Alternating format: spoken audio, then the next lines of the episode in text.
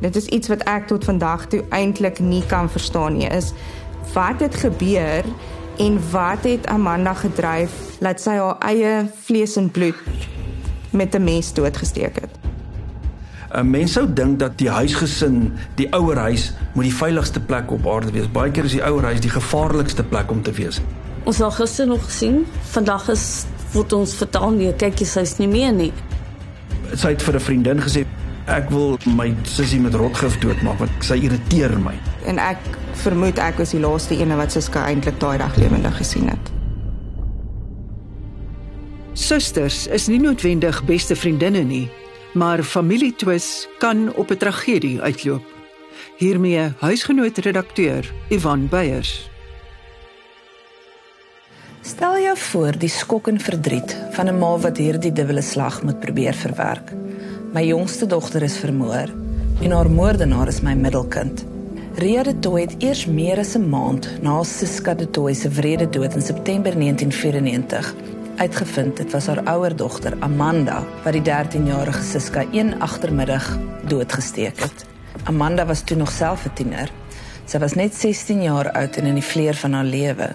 En Ria moes eers haar jongste dogter begrawe en toe kyk hoe haar middelkind lank agter tralies weggesluit word. Toe Amanda jare later vrygelaat word, het sy met 'n hart vol berou probeer aangaan met haar lewe en 'n nuwe lewe probeer bou. Maar sy moes altyd saamleef met die wete dat dit sy was wat haar familie een agtermiddag in 'n oogwink vernietig het. En dit weens die onbeheerste emosies in haar eie binneste en die onderstrominge onder hulle eie dak. My naam is Christian Besuidnout, ek is 'n professor in kriminologie aan die Universiteit van Pretoria. Amanda de Toey se moord is in die Engelse Rorricide wat suster op suster moord. Geval waar een van die kinders neem die lewe van een van die ander kinders in die familie. Ek's Christine Roots. Ek het groot geword in Mount Pleasant en ek was in Mount Pleasant Laerskool gewees en Siska was saam met my in die klas van pre-primêr af. Ehm um, so dis hoe ek die De Toey familie geken het. Ek is Vicky van Skalkwyk. Ek was saam met Siska op laerskool. Eerste indruk, sy was approachable, die tipe vriendin wat jy graag om wil wees. Ek is Sharada Hutchinson. Ek het saam met Siska vir 6 jaar lank skool gegaan vir die tragiese dag wat alles verander het vir ons. Soos wat ons deur laerskool gegaan het, was sy 'n baie entoesiastiese atleet geweest. Sy was baie goed met netbal. Ons was saam in die netbalspan geweest. Die kere wat ek daar gekuier het, was daar nooit geval wat ek nie welkom gevoel het nie. Dit was 'n normale childhood. My naam is Dawie van Heerden. Ek het by rapport gewerk as verteenwoordiger in die Ooskaap tydens die moord van Siska de Toey. Die pa en die ma was geskei, drie dogters. Ria, die ma, Amanda en Siska het in Jan Pleasant gebly. Die pa het in die brandweerbarakke gebly, ook daar naby. Die paar keer wat ek al ontmoet het by die huis, sy was baie teruggetrokke. Sy was eenkant sy het nie eintlik met ander mense gesels nie. Ek onthou toe ons nou baie jonk was, um, was haar pa nog daar gewees, maar later dan obviously is hulle geskei en haar pa was nie daar gewees nie. Maar vir ons was dit maar net 'n gewone huishouding. Ons het nie geweet daar was probleme gewees nie, glad nie. Mense kan maklik na die biologie of na die genetika toe gaan en sê daar's definitief iets fout met haar gewees, maar mense moet baie versigtig wees om so iets te doen want dit kan wees dat die dinamika in die gesin haar mettertyd gedryf het tot wat sy gedoen het. Daar is bietjie kontroversie daaroor en mense praat daaroor, maar mense moet gaan kyk na geboorteorde. Dit is iets wat al lankal deur veral die psigoanaliste ondersoek word die sogenaamde middelkind sindroom. Die eerste kind is soos die koning en wanneer die tweede kind kom, word die koning geontroon want gewoonlik met die eerste kind is daar baie aandag. Dit is opgewonde, dis ons eerste kind, daar gaan baie energie in die kind in. Kamer word geverf en spesiale speelgoedjies gekoop. Dan kom die tweede kind, dan raak die ouers bietjie wyser, ja, opgewonde, maar die aandag nie dieselfde is, die liefde is nie dieselfde nie. En dan kry jy nou skielik jou laatlammetjie of die laaste kind. En dit is tipies in 'n gesin van 3 of 4 en daar's altyd 'n middelsindroom kind. Die jongste kind het ingekom, sy was baie kreatief, sportief en sy het baie aandag gekry. Die middelkind wat aanvanklik van die begin af minder aandag en betrokkeheid gehad het, begin nou voel maar hier's geen liefde nie. Ek word heeltemal eenkant toe geskuif want al die aandag gaan op die laaste kind in. Jaloesie speel 'n baie groot rol in die dinamika, veral die aandag wat die een kind kry meer as die ander. En ouers onwetend doen dinge wat die kinders teen mekaar begin 'n konflik bou. Siska die jongste kind het byvoorbeeld duurder klere gekry. Dok Martin 'n stewel wat baie populêr was in daai tyd wat sy baie graag ook wou hê. Sy het baie keer haarself verwyder. Ons praat van dissosiasie wat begin kom want sy begin onttrek uit die gesin uit. En sy het gevoel sy's die lelike eentjie.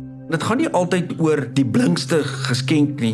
Dit gaan oor die ewewigtigheid in wat die ouer toeken in terme van liefde, aandag en aardse goeders. As jy vir een kind meer gee, meer komplimente, meer persente, kinders sien dit, voel dit, dit het 'n geweldige impak. So daai goed speel 'n baie belangrike rol in die dinamika.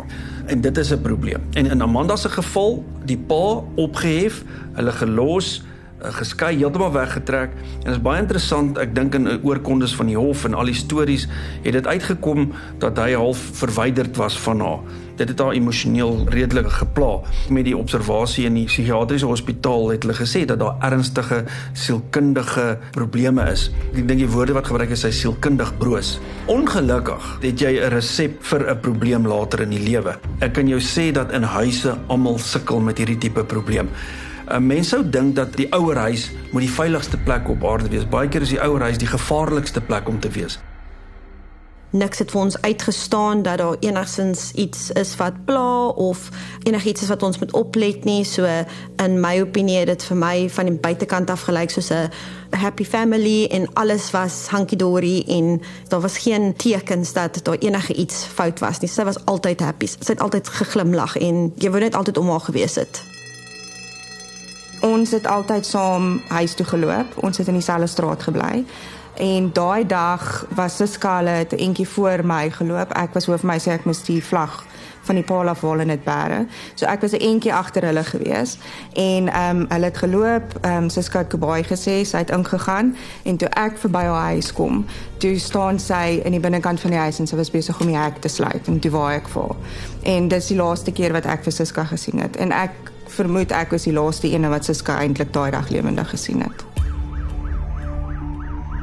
20 voor 3, toe hoor ons net sirenes wat toe verby ons huis opjaag in die pad. En dit was die ambulans gewees, dit was toutrokke gewees.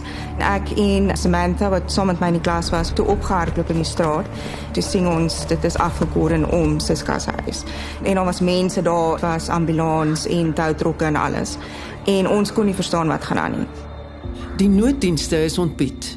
Hulle het Amanda met 'n bloeiende kopwond aangetref en het dadelik aandag aan Siska probeer gee. Ongelukkig was hulle te laat. Siska is op die toneel dood verklaar. Toe het hulle uitgekom met Amanda en sy het kom bers om haar gehad en hulle het haar gelaai in 'n ambulans. Sy het verboureerd gelyk. Op daai stadium het jy nie geweet wat gaan aan nie dit was chaos geweest. Sy het gehuil, maar ons kon nie vir Siska sien nie. Toe kom die skoolhoof verby en toe vra ons vir hom, "Is Siska okay?" En hy sê toe nee, Siska is nie okay nie. Amanda vertel hoe sy op 'n gil van haar suster gereageer het. Volgens haar het sy na Siska se kamer gehardloop waar sy 'n bruin man met 'n balaklava aangetref het. Die man was besig om Siska herhaaldelik met 'n mes te steek. Amanda vertel ook hoe sy probeer terugveg en die man geskop het. Volgens haar was dit in hierdie geveg wat sy die sny aan haar kop opgedoen het.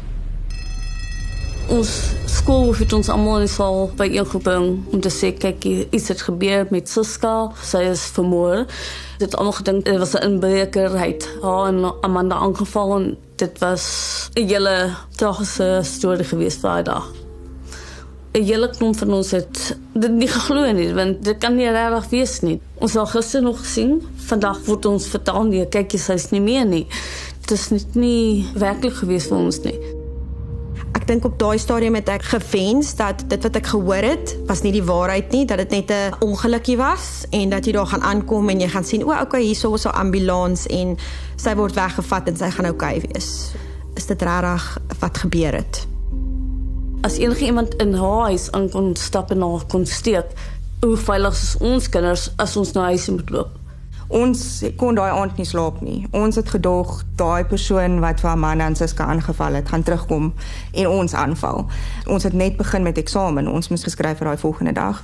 Hulle het dit uitgeskuif. Alles was maar net te mekaar gewees. Vir omtrent 'n paar weke was dit iemand het Siska aangeval.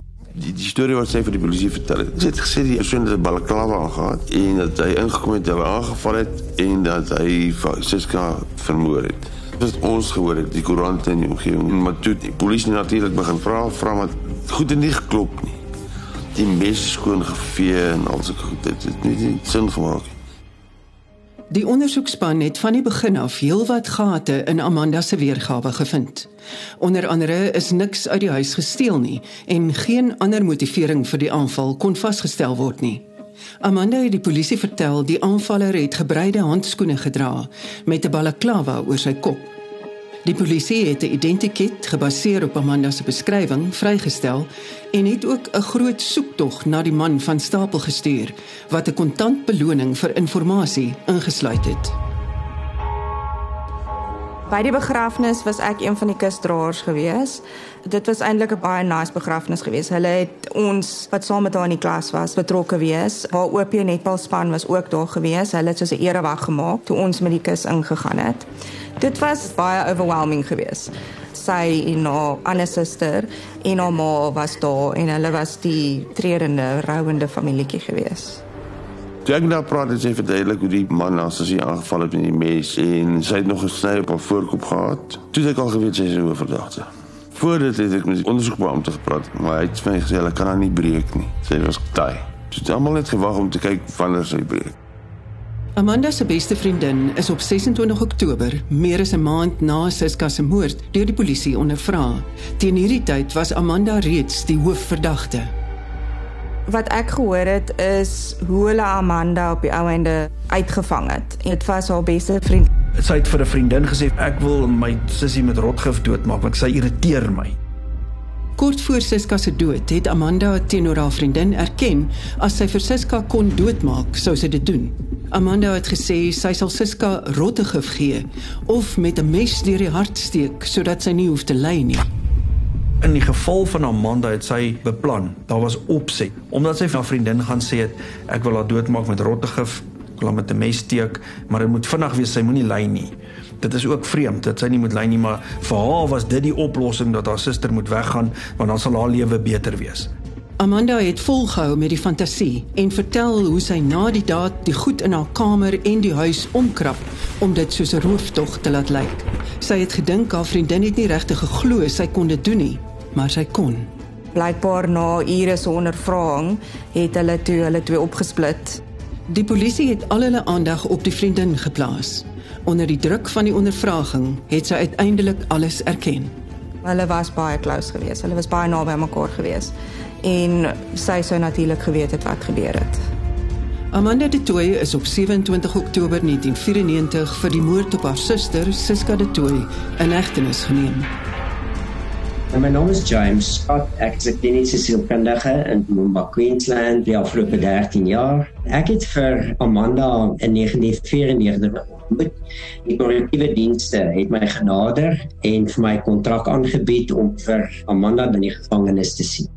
Ek onthou hoe die sleutel in die tronk deur geknars het. Hulle daar laat inkom. En dit was baie gemaklik geweest. Ernstig, maar baie gemaklik.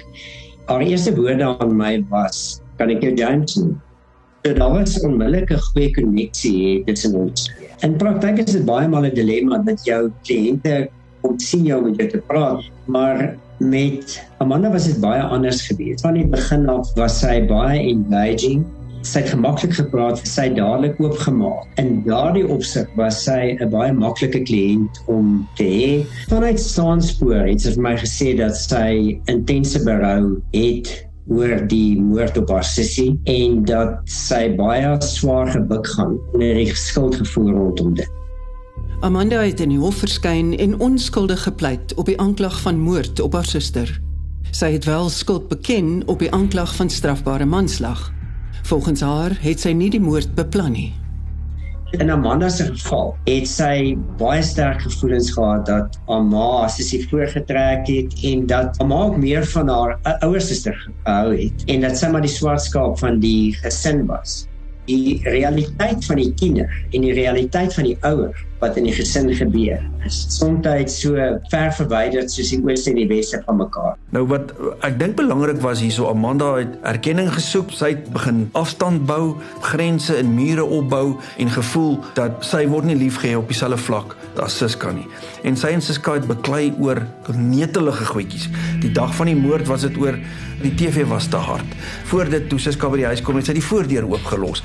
Klein goedjies wat regtig as jy mooi daaraan dink is dit nie veronderstel om tot so groot dramatiese gebeurtenis plaas te vind soos 'n sustermoord nie. Maar wat het voor dit gebeur? Weet, dit was 'n groot lang aanloop. Ek dink die psigiater het ook baie duidelik gesê sy was 'n broos, gebroke kind. Gedragswetenskaplikes sukkel al vir baie lank tyd. Hulle het nie die antwoord nie.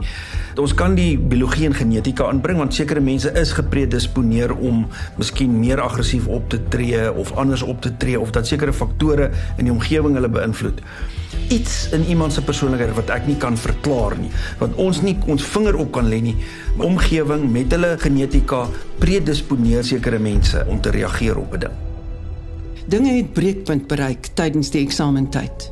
Amanda het later aan huisgenoot vertel dat Siska ook die televisie aangehaat het en hoe dit tot konflik tussen die twee gelei het. Siska en Amanda het heen en weer begin stry of dit aan of af moet wees. Die stryery het aangehou en erger geword tot die twee mekaar met krutaal begin beledig het. Later in die kombuis het Amanda vertel hoe Siska haar 'n slet en ander lelike dinge genoem het. Amanda het uitgebrei oor die oomblik waar alles verkeerd geloop het. Volgens haar het Siska haar geskop en weggehardloop. Sy het 'n mes gegryp en agter haar aangehardloop. In Amanda se eie woorde Skielik het 'n gevoel oor my gekom wat ek nie kon keer nie en ook nie kon beskryf nie. Dit het gemaak dat ek haar in die rug gesteek het. Sy het seker gedink ek het haar geslaan. Sy het my gevloek, omgedraai en wou na my klap. Sy het die mes in my hand gesien en hard begin gil. Ek was paniekbevange. Alwaaraan ek kon dink was om haar stil te kry. Sy het nie opgehou nie. Ek het al begin wurg. Ek kon myself nie keer nie. Die volgende wat ek kan onthou, was dat ek 'n hout in my voorkop gekry het. Ek het gedink Siska het my geslaan. Ek het gevoel hoe die bloed oor my oogbank en linker oog afloop. Skielik was dit asof daar net haat en woede oor my gekom het. Sonder om twee keer te dink of te weet presies wat ek doen, het ek haar begin steek. Ek weet nie waar of hoeveel keer nie. Sy het probeer keer,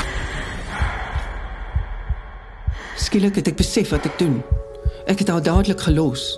Sy het met groot oë na my gekyk en gevra wat ek maak. Ek het gesê ek weet nie en dat ek jammer is. Ek het vir haar gesê ek is lief vir haar. Amanda was op hierdie stadium paniekbevange en het besef sy gaan aan iets moet dink om die polisie en haar ma te vertel. Sy het ook blykbaar haar vingerafdrukke van die moordwapen afgevee omdat sy besef het die polisie sou dit dalk kry. Regter Henny Liebenberg het Amanda se pleitverduideliking waarin sy beweer het dat sy skuldig is aan strafbare manslag verwerp. Hy het gereken Amanda het die moord op Siska beplan en met direkte opset gepleeg. Nou die regter het beslis dat dit met voorbedagte rade was, maar Amanda het in die gesprekke wat ons gehad het, het sy vanaf die begin gesê sy het dit glad nie beplan het nie en dat dit bloot gedoen was as gevolg van blinde woede en dat sy haarself net verloor het na die moment. Dit is baie interessant dat die kinderjare verwondings wat ons het baie maal lei tot 'n sterk opwelling binne in ons aggressie, frustrasie. Die psigiater Carl Jung het na hierdie kinderjare of emosionele verwondings verwys as complexes en hy het dit eendag genoem dat you either have complexes or they've got you. Amanda de Tooy is skuldig bevind aan moord. Volgens ooggetuies was dit op hierdie oomblik waar Amanda vir die eerste keer in trane uitgebars het. Voor dit het sy nooit gehuil nie. Nie by een van verskynings, soos in legnis nie, sy nie waarvan ek weet nie. Maar toe sy skelm bevind is, was dit die eerste keer dat sy gehuil het of emosies getoon het. Aanvanklik is sy op vrye voet rondgeloop en sy het vir die media vertel en die media het ook so gerapporteer dat sy haar sussie gered het. Ek dink nie sy het die konteks van die realiteit besef wat regtig aan die gang is nie. Jy het jou sussie doodgemaak. Sy kan nie weer terugkom nie. Dit was 'n manier om dit te verwerk en ek dink sy het begin besef hierdie motief van my het nou nie gewerk nie. Die opset het heeltemal uitmekaar geval. Die feit dat sy nie die regte berou aanvanklik getoon het nie, wys dat daar groot patologie was in die gesin tussen haar en Siska. Ek dink daar was baie meer groter probleme as wat ons dink. Ek dink hulle gevegte was baie ernstig en ek dink daar was 'n proses van eskalering toe sy haar sussie doodmaak, was dit soos 'n katarsis. Baie keer praat hulle van die narcistiese bron van pyn en in die geval was Siska die bron van pyn en sy moet ontslaa raak van haar want sy is die probleem. So ek dink in haar eerste tyd voor realiteit ingeskop het, het sy 'n gratifikasie ervaar wat 'n kalmte oor haar gebring het. Dit is miskien die emosie wat ons daar raak gesien het. In September 1995 is Amanda tot 15 jaar tronkstraf gevonnis, waarvan 5 jaar opgeskort is. Sy het haar vonnis in die Kroonstad se vroue gevangenis begin uitdien. Dit tref jou want dit is die laaste ding wat jy verwag het. Dit was al soos wat? Het dit nou regtig gebeur? En dan begin die vrae nou weer. Dit het net 'n ander wond oopgekrap want nou moet jy probeer uitfigure maar maar hoekom? Hoekom hoekom sou sy so iets doen Ek het haar ma in persoon ontmoet toe sy van Port Elizabeth na Kroonstad gereis het om vir Amanda te sien. Ria het baie goeie indruk op my gemaak. Ek het 'n intense deernis met haar gevoel. Hier is hierdie ma wie se jongste kind verlede is en terselfdertyd 'n ander dogter in die gevangenis en ook natuurlik die dubbelbinding waarin sy was van aan die een kant lief vir Amanda maar terselfdertyd ook die gevoelens van frustrasie oor waarom Amanda dit gedoen Daai babbel was gebars gewees van hoe kan iemand so iets doen? Dit is iets wat ek tot vandag toe eintlik nie kan verstaan nie. Is wat het gebeur en wat het Amanda gedryf dat sy haar eie vlees en bloed met 'n mes doodgesteek het? As mens nou al hierdie faktore en veranderlikes wat ek genoem het bymekaar sit en as jy gaan kyk in die psigoanalise Freud, Jung, Adler het baie gewerk op jou geboorteorde. Dan die dinamika in die gesin. Sy is die middelkind. Dink aan terme van die egskeiding, dink van die opheffing en toeskielik nie daar distansie gekom. Jy blameer jouself vir wat gebeur het. En dan die laaste kind wat aandag en liefde kry en 'n groter persent wat jy eintlik graag wil hê.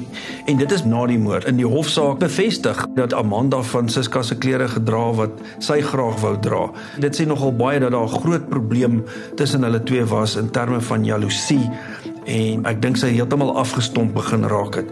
En ek dink dit kom ook uit in die feit dat na die egskeiding van die ouers het Amanda begin seksueel eksperimenteer. Sy het self met seuns begin uitgaan en haarself seksueel blootgestel en weet betrokke geraak. So dit sê klaar een ding. Ek dink daar was op 'n stadium sprake dat sy met satanisme betrokke geraak het en geëksperimenteer het. En dis klassieke goeters wat hulle praat van inwendige aggressie. Hulle doen goed wat hulle self kastei. Nou tipies in satanisme moet jy baie opoffer eh, en om jouself seksueel te gee weet op die ouderdom wat jy nog nie reg is nie. Dis alles klassieke simptome van iemand wat sielkundig en emosioneel groot probleme het en wat dan so broos is as wat aangedui is in haar verslae. Omdat sy al begin opset bou het, met ander woorde sy het beplan, daar was 'n verstandselement.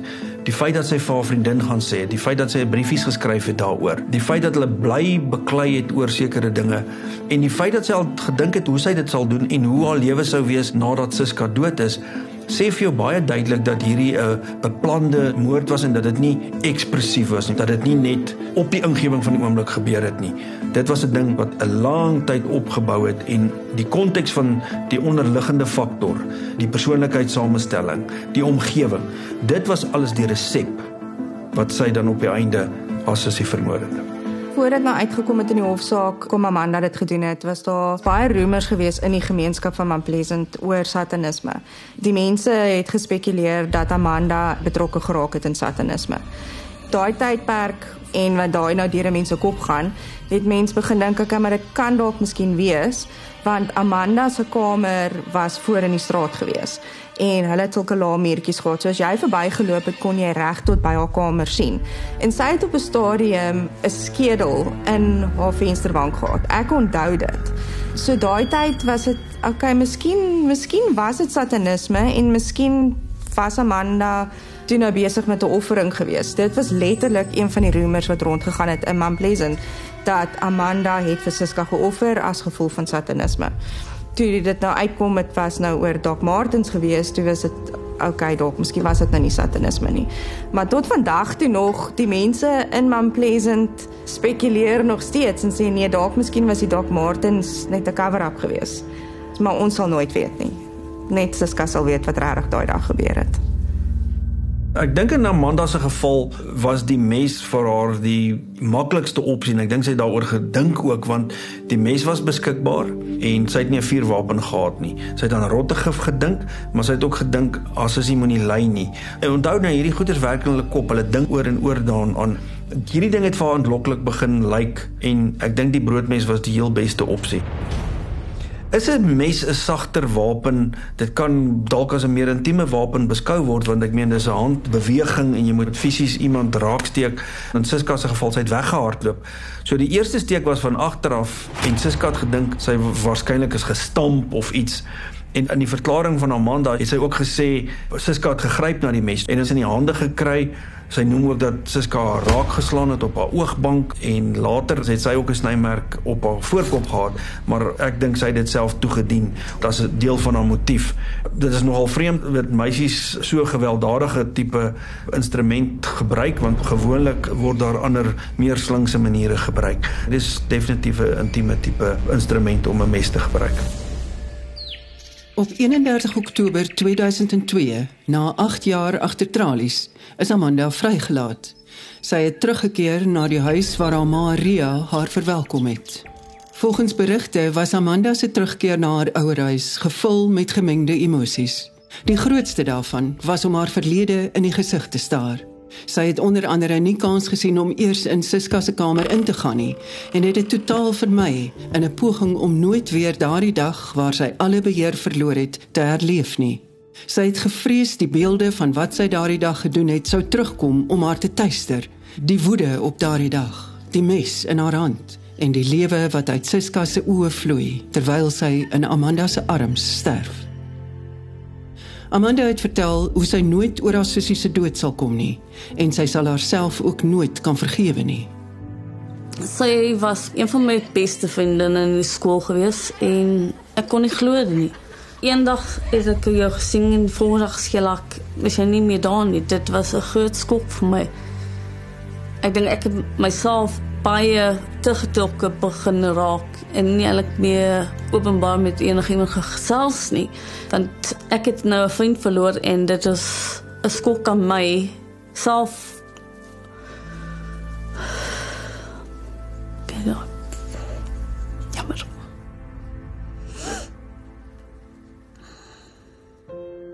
Amanda het stelselmatig met intense terapie haar optrede daardie dag begin verstaan en verwerk. Sy vertel wanneer sy terugkyk na daardie dag, verstaan sy dat sy dinge totaal uit verband geruk het. Sy was jaloers en selfsugtig. Sy het nie regtig van haarself gehou nie en was onseker van haarself. Sy wou raak gesien word en die versekering hê dat almal van haar hou. Amanda se skuldgevoel het haar van die eerste dag af getuister en sy vertel hoe sy foto's van Siska teen haar selmuur vasgeplak het om elke dag herinner te word dat dit haar skuld was dat Siska nie meer daar was nie. Ek het Amanda vergewe vir wat sy gedoen het. Ons almal maak foute en ons moet daarmee saamleef en sy daarin uitgeleef en verder met haarself ook gemaak. Om het teen te hou en om daar te verwyd vir dit dit baat my niks meer nie. Want dit maak net 'n mens dood binne as jy aan daai haat en verwyting vasklou. Dit ons gehoor dat sy was 'n bestuurder gewees by 'n restaurant. Ehm um, maar soos wat ek verstaan in daai tydperk het sy toe nou begin drink, ongelukkig. En daar was 'n paar insidente gewees van dronk bestuur wat sy en iemand vasgery het. Sy het ook in iemand anders se vasgery waar haar kind beseer is. So alhoewel sy gerepent het en teruggekom het en in society en teruggekom het, dink ek in 'n manier kon sy dit miskien nie verwerk het wat sy gedoen het nie en dis dalk miskien hoekom sy toe nou op die ou en na drank toe gedryf is. Die samelewing is dan veronderstel om jou te integreer, te aanvaar. Maar as jy bly aangevra word en wat dit en wat dat, ek dink dit kon 'n massiewe impak op jou hê want jy word elke dag weer herinner van wat gebeur het, wat jy gedoen het, waaraan jy aandadig was, asof jy nie straf uitgedien het nie. Jy lewe nou jou lewe lekker, Siska sal nooit haar lewe lekker kan lewe nie. Dit kan definitief 'n groot impak hê op jou lewe, veral as jy nie die vaardighede ontwikkel om probleme, konflik, persoonlike aangeleenthede en frustrasies te verwerk werk. Uit die profiel uit haar lewe kan 'n mens maar net bespiegel dat sy haar jong lewe probeer opvang het haar jong volwassenheid oor hoe sy geleef het en die feit dat daar die groepe was wat haar definitief nog geetiketeer en geblameer het het 'n groot impak op haar lewe gehad. Dit het haar beïnvloed. En ek dink die feit weer eens wat die psigiater gesê het sy sielkundig breekbaar sy's vatbaar. Dit sê dat hierdie goed 'n groot invloed op hierdie breekbare persoonlikheid gehad het Ek dink die ma het amper 'n dubbel pyn, 'n dubbel straf gehad. Hoe kon my een kind dit doen? Kan dit nie glo nie en my ander kind is weg. Ek kan niks doen om haar terug te bring nie, maar ek kan probeer by hierdie een kind van my staan. En ek dink dis miskien die gedagteprosesse wat deur haar kop gegaan het want ek meen sy bly jou vlees en bloed. Amanda is in Julie 2006 gearresteer na 'n motorongeluk waar tydens die polisiebeampte drank aan haar geruik het. Volgens ander ooggetuies was die verkeersligte buite werking en Amanda het die opeenhoping veroorsaak. Amanda het in die hof verskyn as gevolg van die ongeluk. In Oktober 2009, op die ouderdom van 31, sterf Amanda in 'n motorongeluk. Ek sal Siska altyd onthou as die vriendelike, borrelende, vol energie meisiekind Ek dink mense moet haar onthou vir die goeie netbalspeelster wat sy was. Sy was 'n tawwe meisiekind gewees en vir die borrelende persoonlikheid wat sy gehad het. As ek na haar fotootjies kyk, sien ek hierdie oop gesig, glimlaggende jong mens wat net 'n lus vir lewe gehad het en ek dink dit het deurgestraal in alles wat sy gedoen het. As ek verby haar ou huis loop of ons gaan na my ouma se graf toe, ek dink elke liewe dag aan haar. Ek gesels partymal met haar as ek verby hulle huis op as ek siska. Ek weet jy's nou 'n beter plek. Ek sal blomme op haar graf sê is so 'n blom vir jou. Ek dink aan jou. So ja, elke liewe dag dink ek aan haar en voel ek hoe sy sou gewees het as sy nou nog saandels hier op aarde was.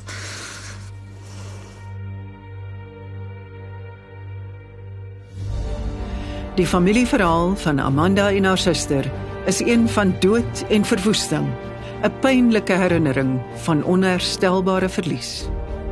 Ek is Ruda Landman en dit was huisgenoot se ware lewensdramas.